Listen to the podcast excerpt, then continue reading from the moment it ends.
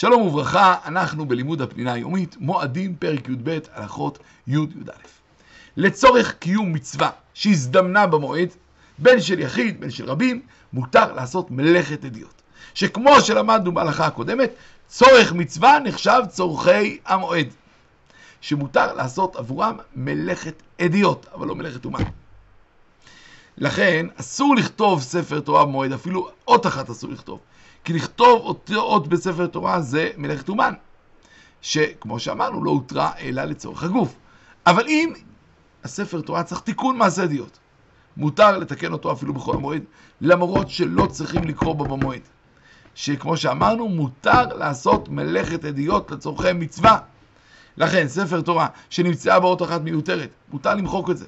ואם נמצא באותיות דבוקות, מותר להפריד ביניהם. ואם הדיו של כמה אותיות נשחק, אפשר לעבור לזה עוד פעם בדיו. כל זה מלאכת אדיוט.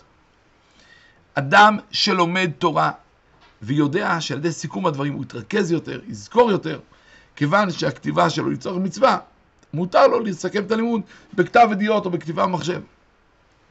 אדם שרוצה לקיים מצוות הכנסת ספר תורה במועד, אסור לו להשאיר את כתיבת האותיות האחרונות לכל המועד, כי אמרנו לכתוב אותיות זה צורכי מצווה של מלאכת אומן שהם אסורים.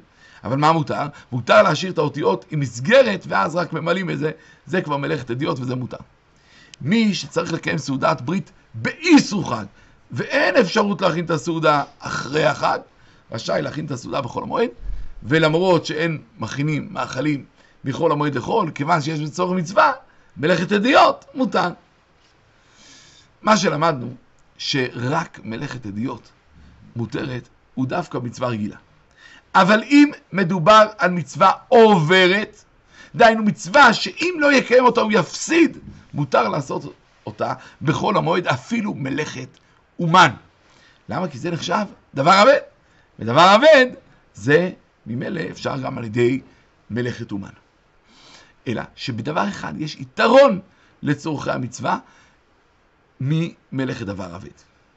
שמלאכת אבד התירו רק כאשר אדם לא כיוון את מלאכתו למועד. אבל אם הוא יכול לעשות את המלאכה לפני החג ודחה אותו למועד, כנסו אותו חכמים ואסרו עליו לעשות אותה. אבל כאשר מדובר בצורך מצווה, לא כנסו אותו. לכן מקום שיש ספר תורה אחד בלבד, ונמצא שיש בו פח... אותיות שחסרות, למרות שהתרשלו ולא כתבו אותם לפני המועד, מותר לכתוב אותם בכל מועד כדי לקרוא בציבור. גם מותר להכין את הקולמוס, לכתוב את האותיות החדשות. ולמרות שכתיבת האותיות והקולמוס זה מלאכת אומן, כיוון שאם לא יכתבו יפסידו את מצוות קריאת התורה, זה ממילא מלאכה לצורך דבר אבד וזה יהיה מותר. ולמרות שבית הכנסת הסמוך יש ספר תורה כשר, מותר לתקן את הפסול. כדי לא להטריח את הציבור להתחיל להביא ספר תורה מבית כנסת לבית כנסת. וכן מי שלא הקים סוכה לפני החג רשאי לבנות אותה בכל המועד, ואם יש צורך מותר להקימה מלאכת אומן. מותר להקים מלאכת אומן. למה זה מצווה עוברת? שאם לא יעשה את המצווה בכל המועד סוכות, אז לא יועילו. יפסיד את המצווה. מי שיש לו סוכה קטנה והוא רוצה להרחיב אותה לצורך אורחים או לצורך קיום סעודות ברית מילה, רשאי להרחיב במלאכת אומן, שוב פעם זאת מצווה עוברת. עושים כל צורכי המת בחול המועד, מפני שכבוד המת הוא מצווה עוברת. לכן תופרים לו תכריכים וחוצבים לו קבר, מדפיסים מודעות, למרות זה מלאכת אומן. וכן, מותר לכתוב כמות גדולה של ערבות בסוכות למכירה, כי כולם לצורך מצווה. אז אולי לא שלי, אבל זה לצורך מצווה. לכן מילא זה יהיה מותר.